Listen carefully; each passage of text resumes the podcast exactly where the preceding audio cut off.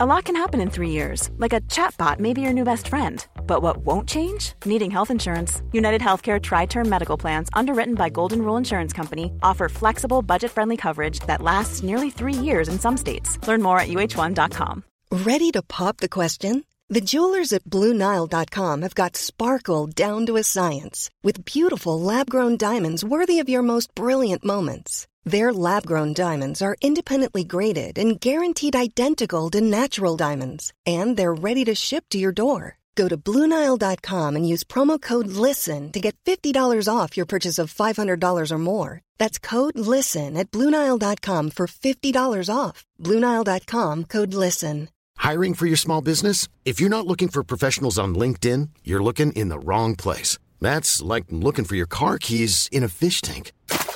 LinkedIn helps you hire professionals you can't find anywhere else, even those who aren't actively searching for a new job but might be open to the perfect role. In a given month, over 70% of LinkedIn users don't even visit other leading job sites. So start looking in the right place. With LinkedIn, you can hire professionals like a professional. Post your free job on linkedin.com slash people today.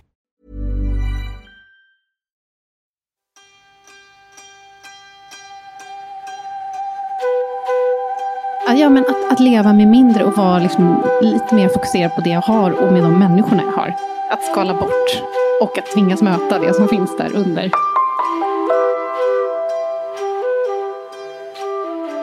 Välkommen till Psykologsnack Katarina. Så himla kul att ha dig här. Tack! Så det här med döstädning då, det kan alltså i själva verket handla om att bli mer levande. Mm, det tycker jag verkligen. Väldigt eh, bra formulerat. Eh, om man ska gå på liksom, det stora direkt så skulle jag säga att eh, eh om vi tar ut eh, döden ur liksom, hela ekvationen som är vårt liv, att vi finns. Eh, om vi bara stryker fenomenet död, då tappar ju livet helt värde. Och genom dödstädning så känner jag att man kan få kontakt med det som annars är ganska så här stora abstrakta idéer. Men genom dödstädning så blir det så påtagligt att jag lever faktiskt här och nu och jag har ett liv bakom mig och jag vet inte vad som kommer hända än framöver. Och mitt liv har gått in i andra människors liv och andra människors liv har gått in i mitt. Och det kan vi se i alla de här sakerna som jag har omkring mig i mitt hem. Eh, så jag tror det är det jag gillar så mycket med dödstädning, att det gör saker och ting väldigt konkret. Så vad är dödstädning då? Det handlar om att eh, ta vara på sitt hem, eh, se över vilka saker har jag omkring mig. Idag har vi mycket digital närvaro. Att se över även den och städa upp och organisera lite för att eh, inför den dagen jag dör inte efterlämna mig en stor härva av ihoptrasslat liv eh, för eh, min släkt eller för vänner eller om man har barn. Ehm, det handlar också om att lite sortera ut vad som är prioriterat egentligen. Vad är det i mitt hem som är nära mitt hjärta? Som verkligen är betydelsefullt för mig. Och som kanske är viktigt för mig att det får föras vidare till nästa generation eller till utvalda viktiga personer i mitt liv. Ehm, om vi inte gör den här sorteringen själva så efterlämnar vi oss ett stort ja, just trassel av eh, tillhörigheter eh, till efterlevanden som redan är förmodligen mitt uppe i massa trassel med känslor. Eh, så det är en, verkligen en fin kärlekshandling skulle jag säga att försöka städa upp. Eh, och sen kan det vara ganska givande för en själv att göra den sorteringen. Ja, men hur känns det då efter en rejäl dödstädning? Hur känns det i kroppen? Som ett bra ligg. Ja. Nej. Nej men faktiskt, det var flera på... Vi, jag var ju med och gjorde en tv-serie där vi mm. hjälpte människor att dödstäda. Och då var flera av de deltagarna som sa det. Att mina, mina kompisar säger att jag I'm glowing. Så här, jag skiner. Har du fått ligga eller vad är det som har hänt? det är från flera stycken. Och vi träffade ändå bara åtta individer. Hur hög är sannolikheten att flera säger samma sak? Mm. Så, nej, men det var också någonting som faktiskt alla sa, hundraprocentigt utfall. Eh, det är som att äntligen kunna ta djupa, långa andetag. Att man har lite mer utrymme, att det finns lite mer livsrum. Eh, att jag kan äntligen andas friare. Mm. Och gud vad skönt det låter. Ja. Men i den här tv-serien som heter Den svenska konsten att döstäda, där du är en av programledarna och en av döstädarna. Vad har det liksom gjort med dig? Har du till exempel döstädat? Eh, jo men absolut. Jag kommer ju från en ganska rörig familj. Jag har det verkligen inte i blodet. Men eh, som tur är så lever jag tillsammans med en ganska ordningsam sambo. Och han kommer verkligen från en familj där man döstädar och hans föräldrar har redan pratat med oss om eh, liksom, så här ligger det till, här finns det ett bankfack med alla uppgifter ni behöver. Och, så där är verkligen ordning och reda. Och min sambo var så glad när jag kom hem från den här döstädarupplevelsen eh, när vi gjorde den här inspelningen. För jag hade verkligen fått upp ögonen för vilken skillnad det kan göra för människors liv. Så det var direkt jag bara, nu ska jag rensa! Nu ska jag... Mm. Eh, och man blir ju lätt lite hooked. Eh, mm. Det är ju nästan lite beroendeframkallande när man väl har kommit över det initiala motståndet som jag tror är väldigt vanligt att man känner. Mm. Och vad, vad består det motståndet ja, vanligtvis? Det är ju verkligen mycket en tankefälla, det här allt eller inget. Att man ser sig omkring och bara herregud, ska jag ta mig an hela källaren? Eller ett helt hem? Eller hela vinden? Eller garaget? Eller vad det nu kan vara som man vill börja organisera upp. Och bara känna sig överväldigad. Och så blir det ingenting. Istället för att eh, bryta ner det, alltså ni vet alla de här vanliga små psykologiska knepen. Att ta en liten del i taget och precis som i terapirummet, det som motiverar en klient mest att vilja fortsätta är ju progress eller framsteg. Att man känner att man närmar sig någonting som är viktigt för en. Så att kunna applicera det på döstädningen hemma är nog jättebra också. Att man börjar den ända där man kan göra lite snabba wins. Eh, där man känner att man får en tydlig feedback. Wow, vad fint det blev och det var inte alls så krävande. Nu går jag vidare till nästa område. Eh. Jag har döstädat mitt kylskåp. Ja, mycket bra! Det, det är en underbar känsla. Jag träffade på en som berättade att hon älskar döstädning. Hon kom fram till mig på stan efter att ha sett serien och sa jag älskar döstädning. Inför varje resa så beter jag mig som att planet kommer störta och jag kommer aldrig komma hem och folk kommer gå in i mitt hem. Och då måste det vara i ordning. Och det ska vara ordning och reda och kylskåpet ska inte ruttna ihop och så vidare. Men jag skulle verkligen vilja bjuda in mer kring så här dödstäda i vardagen. Mm. Eh, att göra lite grann hela tiden. Och jag har själv två små barn hemma som är fem och två. Och där blir det ju väldigt tydligt hur livet tar sin gång. Man kan inte ha samma kläder och leksaker och, ja, bara ett år efter det föregående året. Så där får man sån visuell feedback på att tiden faktiskt går. Och vi har inte utrymme för att bara ackumulera allt det här. Så man behöver hela tiden rensa och så. Men eh, och leva i den stressen också som det innebär. Ja, när det bara är... För det går ju åt så mycket energi. Högar, ja men verkligen. Och jag försöker hitta lite forskning på det här med att ha ordning och reda i hemmet. Vad gör det med ens välbefinnande?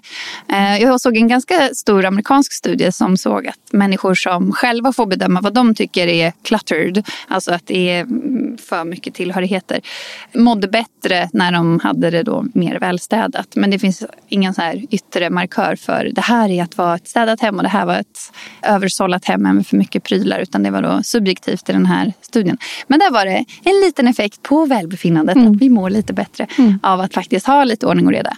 Men om man går ut på stan och frågar vem som helst, trivs du i röra eller när det är lite rymligt och liksom undanplockat så skulle ju de allra flesta säga det senare. Jag vet inte, det, man forskar inte på det för det känns så himla självklart. Ja, verkligen. Men jag tänker, hela den här grejen som man har stött på tidigare, det här med den här KonMari-metoden. Mm. Vad heter hon? Marie Kondo. Ja. Som har varit en, mm. en, japansk kvinna, har jag för mig, som eh, propagerar för att plocka undan och liksom behålla saker som verkligen ligger en nära hjärtat. Och som mm. betyder någonting. Och som kanske skulle betyda någonting för de efterlevande också. Det, det låter ju lite sam, på samma sätt, bara med ett större, ett längre perspektiv. Ja, jag skulle säga att de skiljer sig kanske mest i att hon har ju sin metod, eh, så här, does this spark joy? Alltså blir man glad eller inte? Eh, och typ har du använt det senaste året? Och de båda grejerna är ju jättebra att ha med sig när man ska gå igenom sina saker. Men det här med döstädning skulle jag säga, där tar man ju verkligen in perspektivet att du är en ändlig varelse som faktiskt ska dö. Och att ställa saker i proportion mot döden kan skapa en skarphet, tycker jag, som många andra metoder för att organisera sitt hem inte har kanske. Och man vill också gärna ta vara på saker som har gått i arv genom släkten och bevara historier som sitter fast i vissa föremål. Det är till exempel uppmuntrat att eh, eh sätta lappar bak på vissa möbler. Den här fick vi och den har gått i arv från det här och, och jag vill att den här ska tas över av dig på grund av det. det så. så det är vissa historier som får leva vidare genom de här prylarna eh, och som kanske också berättar någonting om ens familj och släkt och var man kommer ifrån. Och allt det där tycker jag att hon, Marie Kondo, ja, inte riktigt tar upp. Jag tycker det är mm, tacksamt att ha döden som lins. Speciellt när vi lever i ett sånt här samhälle där det är så mycket överflöd och någon sorts oändlighetsprincip. Att man kan alltid bara köpa nytt eller ja, det finns alltid något mer runt hörnan och, och sådär. nej men tänk om det inte gör det. Tänk om det är det här du har och vad är det som är viktigt då? Speglar de här sakerna de livsområden som är aktuella för dig idag eller är mer sådana saker som var aktuellt för dig för 20 år sedan? Men vad är det du längtar efter idag? Och ja, vad skulle du vilja att ditt liv hamnar om mer idag? Mm. Det blir ett verktyg att se mm. på sitt liv ur ett vidare perspektiv och eh, att värdesätta det man har. Att leva livet att leva här livet. nu. Ja. Ja, jag tycker verkligen det. Jag märkte, nu träffade vi ju människor i det här tv-programmet som var verkligen utvalda för att de hade problem med någonting. Att de satt fast på något sätt i livet eller de stod inför en svår utmaning, ett vägskäl. Men det var så tydligt där hur det här vägskälet också kunde avspeglas i deras hem. Jag tänker på en kvinna som hade väldigt mycket minnen i hela sitt hem och hon verkade vara liksom hon, hon älskade hennes liv, hur det hade varit. Men hon såg inte framåt med eh, någon liksom, ljus eller hopp. Eller, utan där var det verkligen att ja, men det är ju bara eh, döden som ligger framför mig. Eh, det finns inget annat. Det blev mer som ett museum. Exakt, det var ja. verkligen som ett museum. Eh, och att prata med henne om mer, men vad, vad behöver du här och nu för att känna att livet är värt idag och imorgon? Och städa ur lite för att göra plats för någonting annat. Och hon hade ju också väldigt mycket av allt. Så att plocka undan lite för att ett fåtal saker ska kunna liksom, det kanske väcker mer att ha mindre. Var det hon eh, Sue som ja, hade eh, mycket konst? Eller? Jag Nej. tänkte faktiskt på Susie, Susie den första. Hon ja, samlar ju på snoppar. Ja, ja, ja gud, det, ja, det ja, eh, Och eh, sådana här showdresses ja, som hon hade haft när hon ja, uppträdde på scen. Men absolut med Sue, hon hade ju också fastnat lite i vad som har varit sen hennes partner gick bort i covid. Så var det som att hon tappade fotfästet lite, och vilket man verkligen kan förstå. Eh, hon hade samtidigt ett jättestort hjärta för konst. Så hon har samlat så mycket konst under alla år. Men det var svårt för henne att njuta av den. Det var svårt för henne att kunna skapa egen ny konst. För att eh, ja, det var andras konst överallt i högar. Eh, ja. Men det var väldigt häftigt att träffa henne. Och där hjälpte vi henne verkligen att sortera upp, att behålla de här verken som väckte allra mest för henne, som betydde mest för henne. Så det är mycket det där, det är liksom som att man ja, sorterar bort det här grumset för att få fram det som är det viktigaste. Och eh, igen, jag är förvånad över hur väl det går att göra den analogin med ens eh, känslor också. Det är som att vissa delar av en själv är det så bekvämt att vara i och man kanske framhåller det medan andra sidor hos en hamnar i så här ostädade inre hörn där det bara börjar bli mörkt och spindelväv och dammigt. Och så tror man att det funkar men så samtidigt kanske man känner sig lite tom eller rastlös eller vet inte riktigt vad är min riktning i livet och vad vill jag mitt liv ska handla om? Jag vet inte riktigt. Den här lite tomheten. Men min erfarenhet var att när vi gick till de där mörka hörnen inombords så kom det ju jättemycket. Och en sån lätthet. Folk, folk bara blev så lättade över att få prata om liksom hela spektrat. Att det inte bara behövde pratas om vad man redan kunde och var bra på utan också det som man kämpar med. Um, och där man kanske känner sig vilsen och inte riktigt har ett svar. Så man blir lite mer komplett? Mm, verkligen. Verkligen. Bra ord. Komplett. Katarina, hur kom du in på det här med att bli program projektledare och döstädare och ända borta i USA? Ja, det är en jättebra fråga. Um, Det, det är så märkligt faktiskt. Jag fick ett mejl för typ två år sedan där det stod typ Hej, har du funderat på att bli amerikansk eh, ny reality-tv-host? Eh, skulle du vara intresserad? Och jag bara, det här är ett spam-mejl såklart. och så visade jag det för min sambo och bara, vad tänker du om det här? För det som gjorde mig förvirrad var att det var ändå ganska bra liksom, varumärken som togs upp. Det var så här, vi producerar Queer Eye och eh, Amy Polars eh, produktionsbolag. Och jag älskar Amy Polar och jag älskar Queer Eye. Så jag var det känns ju ändå betrott. Men den här frågan är helt bisarr. Och då sa min sambo, nej men det här är nog det viktigaste mejlet du har fått det här året. Så jag skulle svara på det. Och så gjorde jag det och då ringde det upp nästan direkt eh, på WhatsApp en kvinna som gav mer information. Och så här, första steget i den här castingprocessen är att vi har ett Zoom-möte med dig. Blablabla. Så hade vi det. Och jag kände så här, inför det Zoom-mötet, jag bara nej, nu ska jag satsa här. Och jag liksom hade så här blus och liksom, jättebra smink. Och, alltså jag kände mig så, så här, taggad och proffsig. Och efteråt jag bara, nej men det här gick nog rätt bra ändå. Jag kände mig så stolt. Och sen så skulle jag gå vidare till nästa Zoom-intervju. Och då var det helt annat. Vi hade precis gjort en jättearbetsam flytt från lägenhet till hus. Det var liksom flyttkartonger överallt och det var mitt i december tror jag. Jättemörkt, man var helt så glåmig och trött och jag var sjuk, hade feber. Vår yngsta typ eh, fyra månaders bebis hade också feber. Vi var uppe om nätterna. Mitt i det här skulle jag ha intervju nummer två. Ja. och jag var så inte proffsig, jag var så inte så här ärtig utan väldigt eh, liksom, glåmig och alltihopa. Jag var så trött, det var på kvällen, jag var så urvriden. Jag hade ingen impulskontroll utan jag drog jättedåliga skämt som jag tyckte var jätteroliga. Och, alltså det var, jag var så liksom, flamsig verkligen. Och jag kommer ihåg att jag sa till dem också så här, för de frågade typ, ah, men vad tycker du om att göra på fritiden? Jag bara, I just like to be floozy with my friends on the sofa. Typ att jag gillar att flamsa med kompisar och liksom vara avslappnad.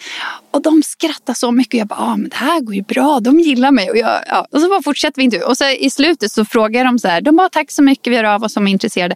Och jag bara, ah, jag vill bara fråga. Was that too floozy? Så, was I too floozy? Typ. För jag tänkte, vad är jag för flamsig? För jag var verkligen så lös i kanterna. Som att jag hade druckit tre glas vin. Och liksom, ja. Och de bara, you have no idea how badly you misuse that word. Och jag bara, vad, vad menar ni?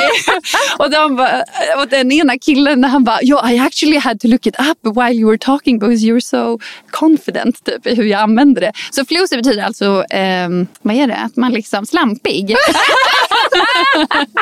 Gud! Och jag liksom utan att blinka bara. Swedish, Swedish psychologist. Frisläppt. Verkligen. Gud vad gulligt. De bara, henne ska vi ha. Ja. så, och sen efteråt så, och sen var det liksom en till intervju och sen fick vi bli flugna till Los Angeles och göra fler tester där som typ var arbetsprov och träffa andra personer. Och, så här. och sen då när jag träffade hon som höll i castingen så frågade jag när vi fick höra att vi hade fått rollen. Eh, hon bara, ah, ni ska vara så stolta. Det är så många människor. Alla måste tacka ja till alla vi presenterar. Och du Katarina, du fick inte alla ja på första när jag var sådär ärtig och mm. Eh, proper och ordentlig. Eh, men på din nummer två så föll alla som oh, föll. Ja, underbart. ja, det, det var ska vi ta med oss när vi blir hämtade. ja. Nej, det, det var också en sån härlig upplevelse bara. Att man inte bara måste vara en superduktig flicka i alla, alla lägen. Utan mm. ibland så är det till och med eftersträvansvärt att bara få vara lite avslappnad. Mm. Flusig. Lite flusig helt enkelt. ja, men, så jag vet inte, de hörde av sig till 200-300 svenskar inom så här, coachning. Andra psykologkompisar vet jag också blev tillfrågade. Och eh, såklart inom inredning och eh, organisation, metod för att få fint hemma och sådär. Och sen så var den här processen. Men jag vet inte riktigt hur de hittade mig. De verkar vara jätteduktiga på att liksom finkamma internet. Men man kan se det här på SVT nu, eller hur? Mm. Ja. Ja, åtta avsnitt. Mm. Eh, man får gråta och skratta. och flamsa. Ja, och flamsa. Det ja. var Flusy med. Ja. ja. ja. Nej, men Åsa, jag... du, du, ringde, alltså, du ringde mig. Nu har jag gråtit mig igenom hela avsnitt två. Nej, men, ja, med Shana. Ja, åh, det, är verkligen, det är faktiskt ett av mina favoritavsnitt. Ja. Jag satt där med min middag och grinade och snörvlade. Det var så sorgligt. Och fint och vackert. Mm. Ja, men det var och modigt. Ja. Det här sätter ju igång, alltså jag, så är det ju ofta när vi har såna här avsnitt, men, men det sätter ju igång saker hos en, de här sakerna. Jag menar, du ringde mig, du hade gråtit, jag gick iväg och kramade mina barn, jag plötsligt plockade fram ett litet smyckeskrin. Du och gick igenom saker och du hade också någon smyckeskrin, eller hur? Ja, precis. Men jag ska bara ge lite kontext här till de som lyssnar som ja. kanske inte har sett i avsnitt två. får man ju möta en kvinna som har drabbats av obotlig cancer. Mm. Och ni är med och döstädar där men också lyfter och pratar om det här med henne och med hennes eh, vänner, eller hon gör det med mm. sina vänner. Ja, det var så speciellt att träffa henne för hon är den enda som faktiskt på riktigt döstädar inför döden. Mm. Och hennes hem var redan ganska i ordning. Hon hade verkligen förberett sig men för henne så var smärtan nog att hon inte hade barn och hennes vänner var ganska undfallande när hon försökte närma sig frågan om skulle du vilja ta över den här ljusstaken till exempel. För den betyder mycket för mig och det skulle vara skönt för mig att veta att den får leva vidare i ditt hem. Och att inte få ha de konversationerna med sina vänner eh, gjorde ju att hon kände sig väldigt ensam i den här processen som är att dö. Det är ju verkligen ett verb på ett sätt för henne. Att hon vet inte när hon dör men hon vet att hon ska dö i närtid. Så vi pratade mycket om hur man kan ta upp det här och också det visade sig att hon är en väldigt självständig individ och van att ta hand om sig själv. Så när jag frågade hur tydlig har du varit med de här behoven av att få prata om det här så skrattade hon direkt så äh, not so much maybe. Eh, och det tror jag är jättevanligt. Och det finns en omtanke här från båda håll egentligen. Att som vän kanske man inte vill knacka på och ta upp någonting som riskerar väcka smärta hos en person som redan har det tufft. Man vill inte göra saker värre, så man säger ingenting. Och som individ som är drabbad så kanske man inte vill sänka stämningen eller ta upp någonting som kan väcka något jobbigt hos någon annan. Så alla går bara runt och liksom vispar på ytan och säger I'm fine, I'm fine. Och så är det inte så. Och det är ingen som riktigt vågar bryta den här isen. Och det kan jag känna också som samhällen, alltså både i USA men också i Sverige, att vi är ju inte världsbäst på att prata om döden. Och det är så, ju mer jag tänker på det så känns det så lustigt just eftersom döden är eh, liksom en extremt säker sak som vi har haft chans att bekanta oss med genom evolutionen sedan alltid. Mm. Och det här är liksom kronan. Vi har, är det här allt vi har? Typ jättedåliga famlande samtal och mycket tystnad. Det känns så märkligt. Helt absurt egentligen. Ja, det är helt absurt när man börjar tänka på det. Men samtidigt kan jag såklart förstå det. Jag har ju också varit en sån person som famlar ibland och ska man ta det där klivet in eller inte? Och, um, men, så det, var, eh, det känns enormt meningsfullt att få ha de här samtalen i ett tv-medium för eftersom det når ut så oerhört brett. Och det gensvar som vi alla tre programledare, jag gör ju det här tillsammans med en, en kvinna som är jätteduktig på att organisera folks hem och eh, en kille som är designer, eh, Johan Svensson och Ella Engström. Ni var en sån härlig eh, trio. Ja. Bra castat, ja. Ja, men det är jättefint. Alltså, de är så bra att skratta med. Eh, och det var som att vi alla tillförde lite olika saker för deltagarna tror jag. Ella blev direkt utkorad till bästa kramarna och så här, mamma bear verkligen. För att hon är en sån supervarm eh, person. Ja, men i alla fall, bara som samhälle, både här och där, så är det liksom man famlar. Och det är så coolt med tv att det når ut så starkt och vi har fått sånt gensvar. Så väldigt många har skrivit och sagt att jag är så inspirerad, precis som ni pratade om, att jag har redan börjat prata med mina barn och tittat på smycken och mm. rensat. Men andra som har precis varit med om förluster mm. och som säger att jag tittade på er serie genom hela liksom, den här begravningshelgen när jag begravde min förälder och när jag verkligen varit med mig och stöttat mig i att det är okej att sörja. Och, um, och många konversationer som har initierats runt middagsbord har jag mm också fått höra. Mm. Ja, det måste ju finnas ett sånt stort sug efter mm. det här. Med tanke på eller att det är ett vakuum. Mm, verkligen. Kring just döden. Ja. I, I, våra generationer i alla fall. Jag menar, för hundra år sedan var det, hade man väl en mer pragmatisk inställning. Att man, mm. man gjorde rent, om man nu ska vara så här.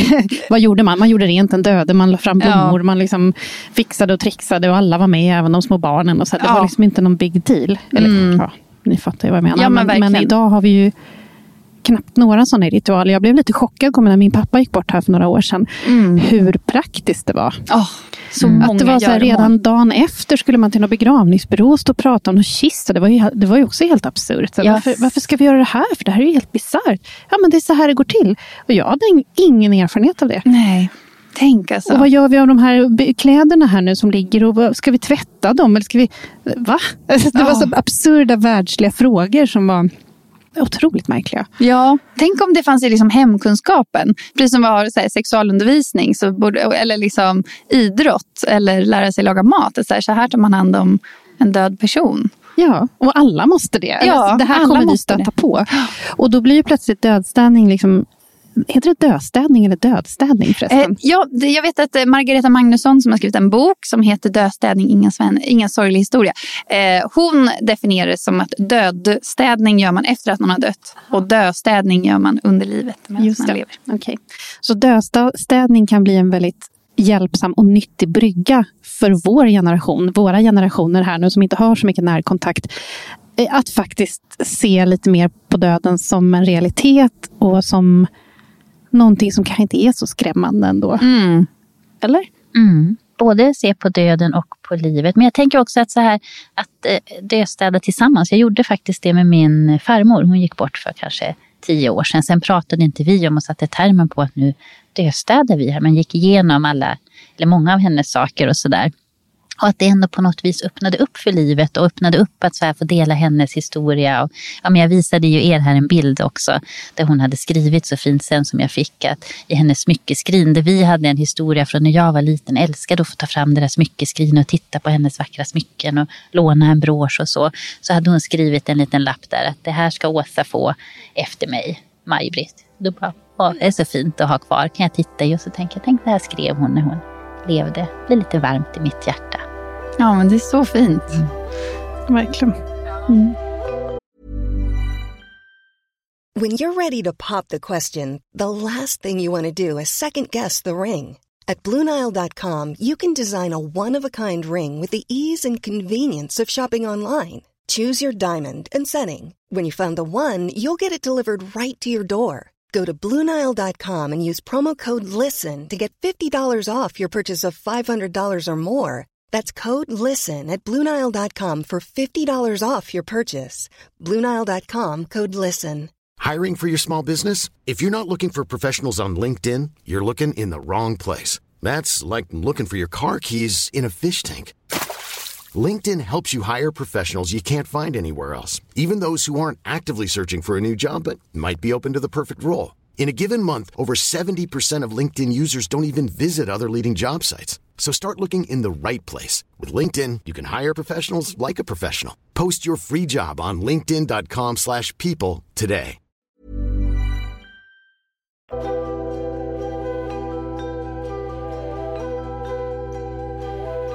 Ja, jag, jag delar verkligen den eh, upplevelsen också av döstäda med de äldre och att få höra de här historierna. Och det är sådana perspektiv tycker jag på vilka de var. Och min farmor, när hon kom närmre döden så blev hon också mer öppen med allt möjligt. Det var som att hon hade ingenting kvar som behövde upprätthållas. Mm. Så det var jättespännande att lära känna en ny sida av henne mm. på något vis. Mm. Som inte var liksom socialt tillrättalagd utan bara väldigt transparent. Och så här är det. Liksom. Mm. Kanske inte heller bara rollen som farmor utan mm. som hel kvinna under hela mm. livet med alla de åldrar som man har i sig och som man samlar på sig som man kanske inte ser heller som anhörig på samma sätt. Ja men verkligen, det tror jag. Jag tänker också, för jag har en annan eh, äldre person i min närhet, men där det kanske inte, som min farmor var ju väldigt eh, proaktiv med det där och kunde rensa och gå igenom det här, men där det är svårt. Mm. Alltså där det liksom är att man vill hålla kvar i sina saker och det blir nästan en jättestark ångest av att ens börja tänka på att rensa och slänga för att, ja vad beror det på? Ja, det är ju jättesvårt att säga tänker jag. Jag tänker det, kanske mer generellt, inte specifikt för ja. den här personen. Nej, men sådär, vad är det som kan göra att det är svårt för oss att vi, mm. vi kanske vill hålla fast vid saker? Ja, ja jag tänker det hänger väldigt mycket ihop med eh, vad vi tillskriver de här sakerna för betydelse och vilken relation vi har till dem såklart. Och en del saker kan ju vara, symbolisera en del av ens liv som man värderar väldigt högt och som också samtidigt känns väldigt avlägsen. Så den här saken blir mitt enda band tillbaka till den tidsepoken. Och samma sak med relationer, att eh, de lagras ju också in i våra tillhörigheter. Och speciellt om en person har kanske ryckts ifrån oss lite plötsligt och man känner att det är väldigt mycket oavslutat så kan det bli viktigt att få ha kvar de här tingen för att det är någon sorts portal ändå till eh, mina känslor för den här personen och påminner mig, ger mig en känsla av närhet. Men även där så får man kanske ställa sig frågan om mer blir eh, bättre. Att eh, får jag den här varma, nära känslan mm, av liksom, ju fler saker jag har? Eller hänger det mer ihop med eh, vissa speciella utvalda ting?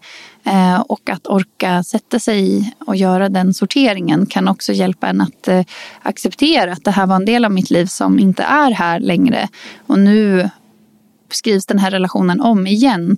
Precis som att ja, en relation till en eh, tidigare del av ens liv till exempel som man kanske höjer till skyarna i efterhand. Att det var så fantastiskt när jag bodde utomlands eller när jag pluggade eller vad det nu, mitt första jobb eller vad det nu kan vara. Men det kan också hjälpa en att acceptera och integrera att okej, okay, men det var då och vad var det som var så fantastiskt i det där och hur kan jag komma åt de värdena kanske här och nu i mitt liv utifrån hur det ser ut här och nu. Till exempel, nu kommer jag tillbaka till den här tv-serien, Susie som älskade att uppträda. Hon råkade faktiskt få ett nytt jobb som sångerska på en lokal bar efter att vi hade varit där. Eh, för att hon saknade ju den delen i sitt liv och hon tänkte nog själv att det inte var möjligt och sen så var det det. Och samma sak med om man förlorar en person så tänker jag att relationen som man har till den personen upphör ju inte bara för att den personen är död utan vi fortsätter ju relatera till alla våra minnen och känslor och den påverkan som den här personen har haft på oss. Och jag tänker att det är ju oerhört vanligt att man fortsätter att prata med personen och resonera och känna olika saker. Så jag tänker att ibland kan det ju bli då svårt om man inte vill gräva runt i en relation eller gräva runt i hur man kanske förhåller sig till att man åldras och att saker faktiskt är förgängliga och någonting är avslutat. Då kan det bli, men nu verkligen, det kan ju vara väldigt olika saker för olika varför man vill hålla i saker. Men så skulle det kunna vara att man vill undvika det som paket. Det är obehagligt att tänka att jag dör eller andra dör eller vissa delar av mitt liv kommer inte komma tillbaka. Kort sikt blir det på kort sikt slipper man en hel del obehagliga mm. tankar och känslor. Men ja. på lång sikt så håller den tillbaka. Ja, verkligen. Mm. Och riskerar att göra, man känner att man lever det där översållade hemmet som man bara blir överväldigad av. Och ju äldre vi blir desto mer ting har vi ofta. Och det är ju inte som att vi får mer energi kanske när vi är äldre. Så väldigt klokt att försöka liksom göra de här lilla inventarierna, eller vad säger man? Att mm. gå igenom saker mm. löpande. Mm. Eh, att döstäda lite hela livet. Och eh, ingen vet ju heller när vi kommer att dö. Eh, så också en god anledning att börja mm. idag. Eller när som helst. Ja, ja jag känner mig inspirerad att ja. döstäda mer än mitt eh, kylskåp. Utan hela, hela hemmet. Måste bara frigöra lite tid också för att göra det. Men jag tycker ju känslan efteråt när man har städat där och rensat är underbar. Jag började ju med det där för något år sedan, men då var det lite mer så jag var inne på det här med KonMari, jag var inne på mm. Youtube och kollade lite sådär. Och det jag förstår är en helt annan sak, men det glider liksom in mer och mer på ja, men att det blir existentiellt till slut. Eh, dels att göra sig av med saker därför att det väcker grejer. Eh, man, det finns sentimentala saker som man behöver ta ställning till, precis som du säger. Tänka tillbaka. Eh, är det här minnet ens värdefullt för mig längre? Eller känns det annorlunda nu? Till exempel. Um, och den processen har ju varit uh, helt sjuk, måste jag säga. Att göra mig av med saker. Mm. Och att leva med mindre och att tvingas vara lite mer Ja, men att, att leva med mindre och vara liksom lite mer fokuserad på det jag har och med de människorna jag har. Mm. Att skala bort mm. och att tvingas möta det som finns där under. Helt enkelt. Ja, ja visst. Mm.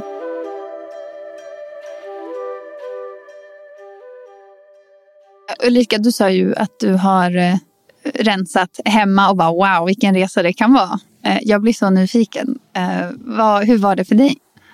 Nej, men jag, jag upplevde framförallt en lätthet. Jag tror mm. du sa det innan också. Jag kände mig lätt och jag kände mig fri och jag kände mig lugn på ett sätt som jag inte har gjort på väldigt, väldigt länge. Så det blev väldigt fysiskt påtagligt för mig.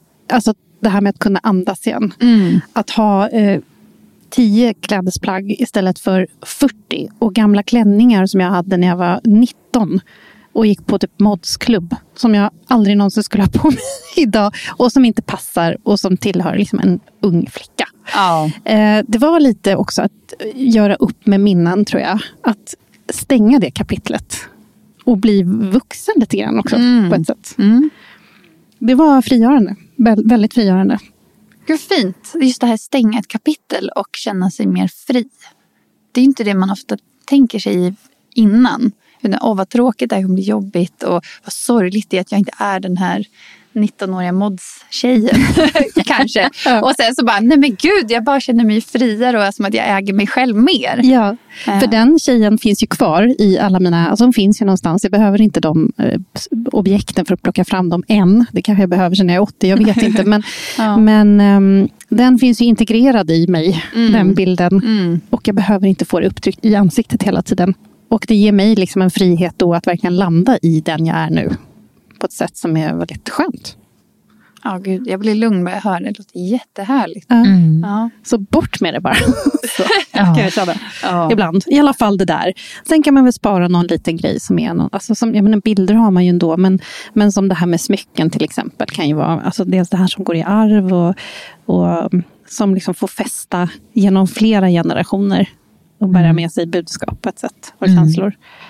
Mm. Men där har jag också gjort faktiskt, när jag har rensat och, och i smycken som jag har ärvt, valt ut vissa och eh, vissa andra så här guldsmycken sålde jag av och så fick det bli någonting annat jag gjorde mm. med det, en resa till exempel.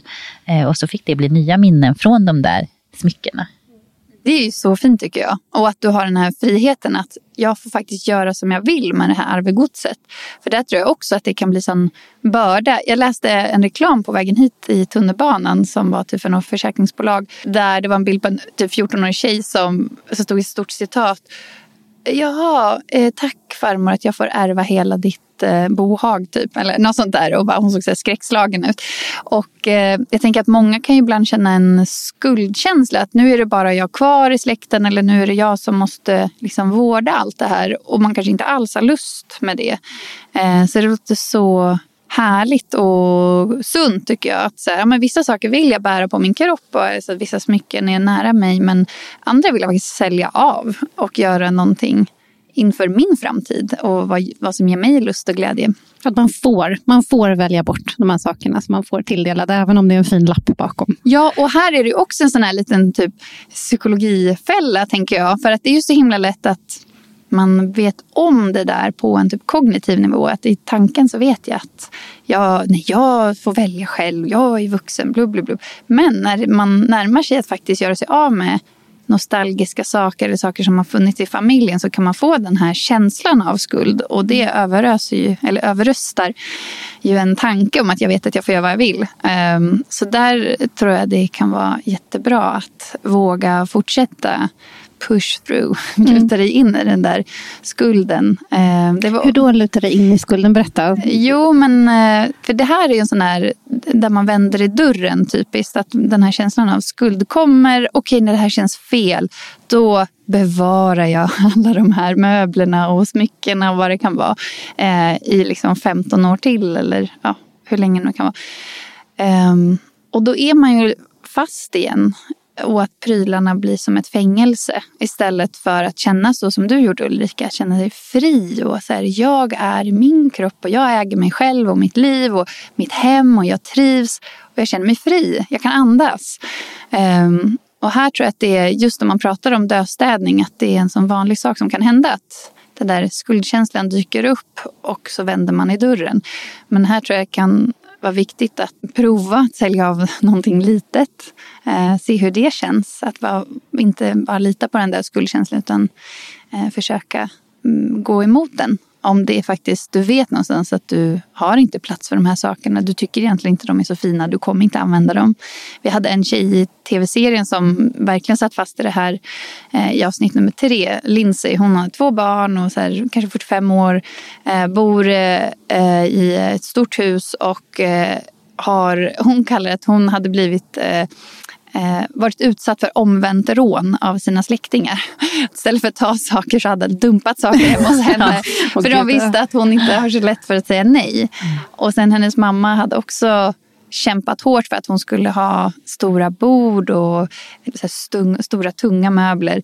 Och hon växte upp med sin mamma under väldigt knappa förhållanden. Så för henne blev det så stor grej att även om jag inte tycker om det här stora, tunga, mörka bordet så får jag inte göra mig av med det. För min mamma har verkligen kämpat för att jag ska få ha det. Så hon hade så mycket skuld och hade så svårt att uttrycka vad hennes egen önskan var egentligen. Eh, för att hon såg bara alla andras behov. En sån klassisk vanlig grej som många lätt att känna igen sig i. Men där var det så fint. I vårt samtal så insåg hon att eh, hennes mamma hade ju sparat det där bordet, inte för att hon skulle ha ett bord utan för att hon skulle ha ett gott liv. Ett liv som var ekonomiskt stabilt och att hon hade ett hem som kändes liksom hållet och välkomnande och, och, att det fanns plats för stora middagar. Och det hade hon verkligen. I, hon liksom bodde i ett ganska fint område, hade jättebra karriär och så vidare och jättemysig familj. Och det var som att när hon insåg att men herregud, jag har ju redan lyckats. Jag lever ju det där livet som mamma ville ge mig med hjälp av det här bordet. Då kände hon sig fri och så kunde hon göra sig av med det. Hon kunde se det för vad det var, en symbol. Ja, en mm. symbol, verkligen. Och att ta det där varvet med sig själv när man sitter där med smyckeskrivna eller möbler. Att vad står det här för? Vem gör jag glad genom att ha kvar det här? Är det mig själv? Jättebra. Mm. Men är det bara för någon annans skull? Så, hmm, ja, kanske man ska fundera lite igen och utmana sig lite.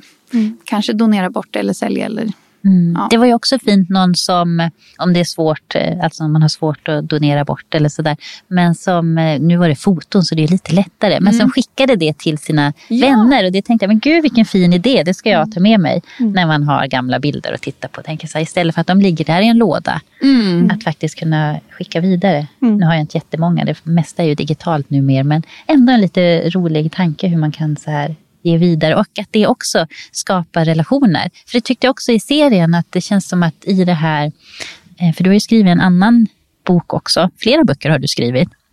Men en som heter Lycka på fullt allvar och sen Tillsammans-effekten om hur relationer stärker vår hälsa, eh, lycka och motståndskraft. Och jag tänker här i serien så känns det som att dödstädningen ledde också till rikare relationer och eh, ja, mer lycka på det sättet.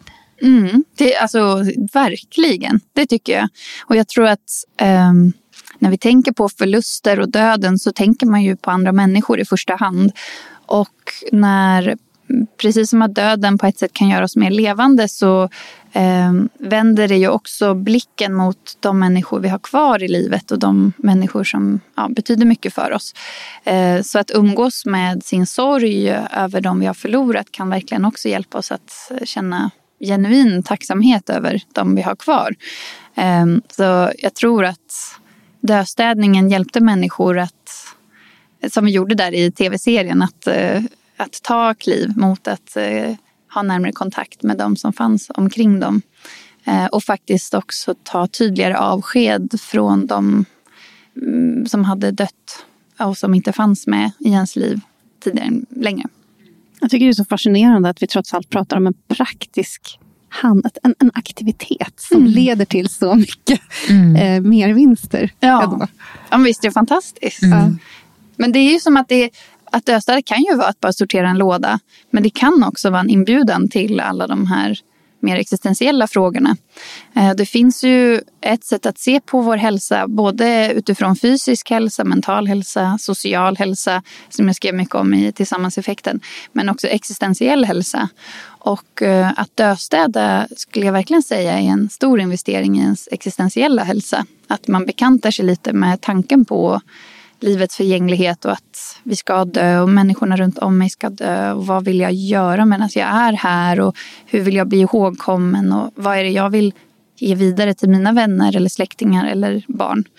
Um, och jag måste säga det här med fotona är en jättefin idé. Jag har själv fått foton skickat till mig när andra har dödstädat och där vi har dykt upp på samma bilder. Och så här. Det är så fint. Man blir så glad, man blir så överraskad. Och, eh, det betyder ju ännu mer när en person inte finns kvar i livet. Mm.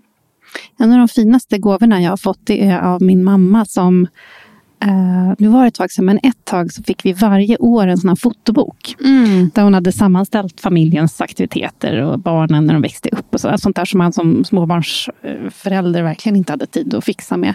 Och jag har bläddrat så mycket i de där böckerna så att de här sidorna håller på att ramla ut snart. Wow. Det, var så, det var så omtänksamt och det var så otroligt uppskattat att få det skickat till sig i det här formatet. Det var verkligen en jättefin gåva. Um, det låter underbart, för det är också ett sätt att liksom få fatt i att tiden faktiskt går mm. på ett liksom, positivt vis.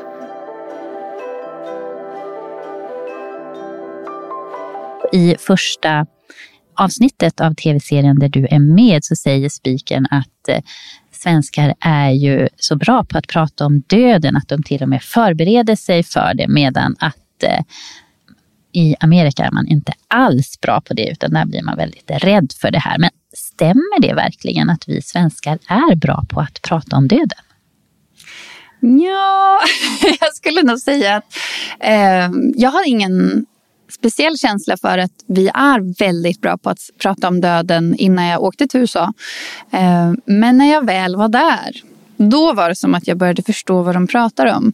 Ehm, det är som att man ser inte sig själv för att man är i sin egen kontext på något vis. Ehm, nu är ju USA ett extremt stort land och rymmer så mycket. Men utifrån de individer jag pratade med som bodde i Kansas City, verkligen Midwest.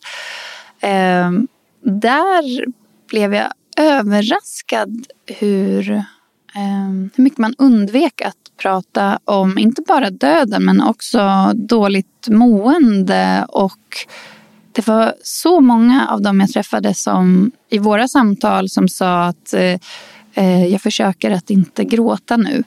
Eh, och då tänkte jag på att det, det är så sällan som jag hör svenska klienter sitta och säga att jag försöker att inte gråta. Eller vänner när man pratar om någonting och tårar kommer. Jag kan inte minnas någon vän som säger nu, jag försöker att inte gråta eller oj, nu, ja. Nästan ursäktande. Mm, mm. Nästan ursäktande. Eh, så att jag skulle nog säga att det är inte som att eh, vi är bra och i USA är man dålig på att prata om döden, även om det kanske framställs lite så i den serien. Eh, men jag skulle nog säga att vi är bättre kanske, mindre dåliga men eh, vi kan absolut eh, bli ännu mer bekväma och öppna med att prata om någonting som händer alla. Eh, jag vet hon, vår showrunner som, liksom, som regissör ungefär för serien. Hon hade en väldigt intim relation med döden eftersom hennes ena barn gick bort i cancer bara ett och ett halvt år innan vi började spela in. Och han var 11 år när han gick bort. Och hon eh, hon har varit så mycket med döden och mött så många sätt som vänner undviker att prata om döden. Men också vad fint hennes vänner kunde ställa upp för henne och hur olika vi förhåller oss till döden. Att hon, för henne var det väldigt viktigt att den här serien skulle vara så nyanserad som den är. Att vi både går till de väldigt svåra frågorna och låter det vara sorgligt. Men också att vi kan skratta och se det bizarra och vara flamsiga i närvaro av sorg och, och död. Och, um, och det är någonting som jag tycker nästan om mest med den här serien, att den är så nära livet just. Uh, och både, jag vet att hennes ambition var att inspirera människor att våga prata mer om döden. Eh, och det, det känner jag verkligen också, speciellt med tanke på hur givande det har varit för dem som vi träffade och igen det här gensvaret som vi får på sociala medier från människor som känner att åh, äntligen, om om man bara hade er tre i bakfickan och kunna få prata och skratta och fika och sortera med er så skulle livet vara bättre. Och jag tror verkligen vi kan vara de personerna för varandra. Och eh, ja, så jag skulle absolut säga att vi kan alla bli bättre på det. Um, ja. Och att serien då också kan vara en, en dörröppnare till att börja prata om det som jag tror att du sa här tidigare Ulrika, att du och jag började prata om det och ringde och sa och vad det väckte i oss. Och ja, men som du sa, att ja, men gud, nu känner jag att vi måste verkligen ta vara på livet här och boka in den där träffen med vår ja, kompis. Precis. Och direkt skicka iväg. Ja. Jag blev väldigt handlingsinriktad helt plötsligt. Ja. det var underbart. Fantastiskt. Men som en sista fråga då kanske, som vi kanske har berört lite, men ändå. Eh, vem, eh, vem tycker du ska döstäda? Eh, ja, jag tycker ju alla ska döstäda och jag tycker att det jag lägger in i döstädning är i all enkelhet att faktiskt rensa och fundera på vad som är viktigt för mig. Eh, vad vill jag ha i mitt liv och vad vill jag låta gå vidare? Eh, donera eller slänga. Och det kan man egentligen göra med sina barn också, att hjälpa dem att rensa ut. Vad, vad använder vi inte så mycket längre eller ja, i alla åldrar. Ehm, att lära dem mm. att våga ta i mm. saker som också skulle kunna väcka ja, men sorg eller, eller nostalgi. Eller... Ja, absolut. Mm. Absolut. Så det handlar ju lite om att, att, att möta sina känslor. Mm. Ja, jag tänkte just det. Mm. Verkligen. Men eh, där tänker väl vi att vi ska börja runda av. Och eh, vi är ju så glada att du har gästat oss här idag, Katarina ett så himla spännande och intressant samtal. Jag känner att jag blir sugen på att prata mer om döden. Mm, jag med. Ja, jag med. Ja. det är ju så lyxigt att få sitta här med två andra psykologer och prata om det här. Eh, så det har varit jättefint att komma hit. Jag hoppas att många eh, lyssnare också känner att eh, det är intressant och att, givande och att de också kanske får den här inspirationen att börja titta runt hemma i det inre och det yttre. Om man är sugen på att eh, komma i kontakt med dig eller se mer av dig, var hittar man dig då? Eh, bäst på Instagram, där är jag mest aktiv och heter Katarina Blom. Mm. Ja. Enkelt och bra. ja. ja. Och serien som du är med på, den heter The Swedish Art of Death Cleaning. Eller hur? Mm, och, och, på svenska, den eh, svenska konsten att döstäda. Och finns på SVT? Ja, SVT Play. Återigen, stort tack. Och tack för att ni har lyssnat idag. Ja, stort tack. tack.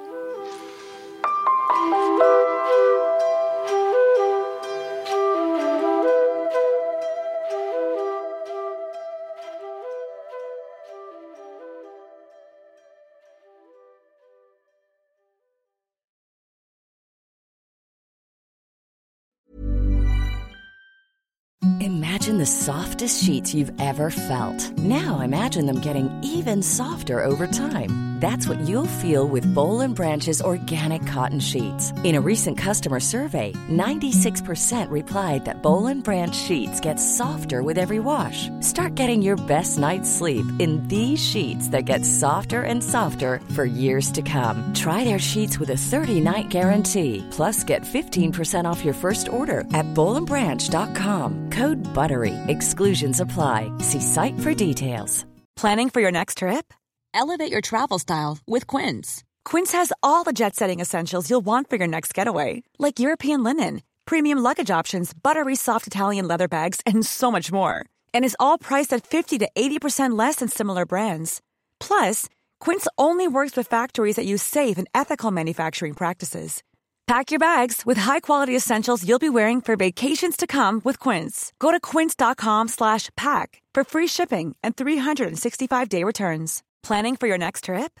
Elevate your travel style with Quince. Quince has all the jet setting essentials you'll want for your next getaway, like European linen, premium luggage options, buttery soft Italian leather bags, and so much more. And is all priced at 50 to 80% less than similar brands. Plus, Quince only works with factories that use safe and ethical manufacturing practices. Pack your bags with high-quality essentials you'll be wearing for vacations to come with Quince. Go to quince.com/pack for free shipping and 365-day returns.